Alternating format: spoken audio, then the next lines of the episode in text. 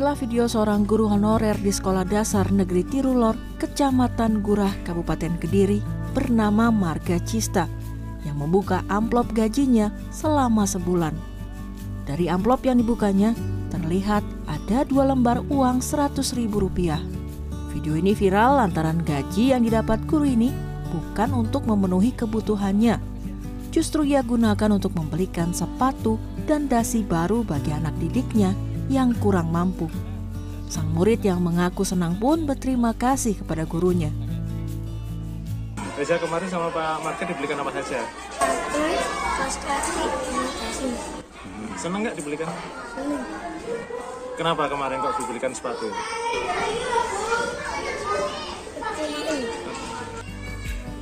Atas aksinya ini, sang guru honorer pun menerima banyak pujian dari warganet.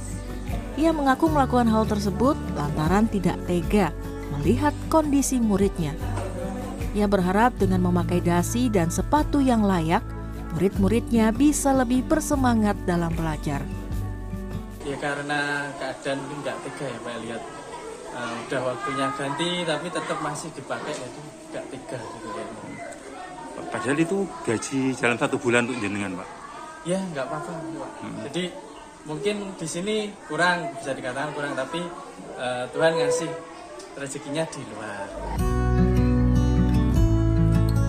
Marga Cista yang baru satu tahun menjadi guru honorer ini ternyata sudah membelikan sepatu, seragam sekolah, hingga buku pelajaran bagi 20 siswanya. Tim Liputan CNN Indonesia.